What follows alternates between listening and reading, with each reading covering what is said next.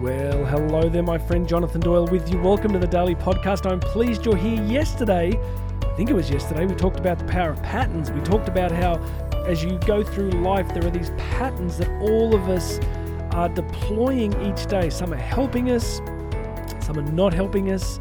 We've got to get really good on pattern recognition, looking at the dominant ways that we think, the dominant ways that we interact with others, the dominant ways that we eat or exercise or pray.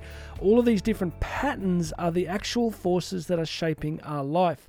The reason I'm calling today's message Stop Beating Yourself Up is because so much of the time we look at the negative outcomes in our life. Like we might be, our health might be bad, or we're not doing well in our careers, or our relationships are stressed or strained and we get really good at this idea that we are the problem okay? You know if i just did this and it's i'm just i always do this and we undermine ourselves we beat ourselves up we berate ourselves.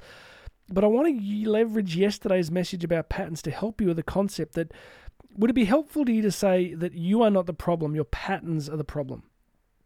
Let's just say you binge eat right? You you try to stay healthy but sooner or later you end up just hitting the Tim Tams or whatever it is, and you're just absolutely disgusted with yourself, and it happens regularly, how easy is it for us to go, oh, I've done it again? I've done it again. I'll never change this. I'm such a pig. I can't believe I did this.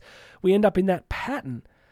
But you got to realize that you are not a pig. You are not a wicked, evil person. You're somebody using a pattern. Now, how you got that pattern you know, how much time do you want to spend working that out? Because at the end of the day, if you identify why you've got the pattern, I've tended to find in life that guess what? You've still got the pattern. Knowing why you've got it maybe can be useful, but at the end of the day, it's better just to recognize it and go, you know what? Every time I get tired or every time I feel a bit low or flat or depressed or something goes wrong at work, I go into this pattern. I come home, I check out, I sit on the couch, and I eat a box of Oreos. That's my pattern. I mean, I'm not, I don't do that, but I'm just giving an example, right? So wouldn't it be better to stop going, you're the problem, and start going, your patterns are the problem? Because then you let yourself off the hook a little bit, and you've got, you know, I mean, w- would you want to basically, you know, imagine that there was somebody in your house who just yelled at you all the time, and they're like, "You're a pig, you're a pig, you're a pig. Look at you, look at what you do. You're disgusting. What, look at you. Why do you do this?" I mean, how motivated are you to change? You're just going to be offended and hurt, and you're going to be like, "Well, if that's how you're going to speak to me, why bother?" But we do it to ourselves, don't we? We often go, "Oh, I can't believe you do this. You're disgraceful." So today's message is simply to remind you stop beating yourself up. If there is something not working in your life, you are not the problem. Your patterns are the problem.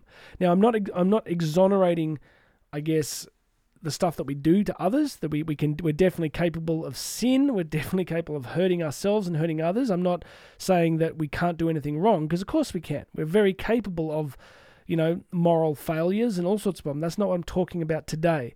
Today I'm talking about pattern recognition. Today I'm talking about leveraging yourself off the hook. Stop beating yourself up. Realize that if something is not working, it's not because you are a wicked, evil person, it's because the pattern is not serving you. You are not the problem, the pattern is the problem.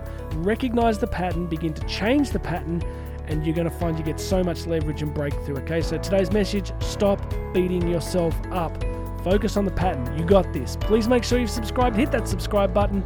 My name's Jonathan Doyle. This has been the Daily Message. You and I are going to talk again tomorrow.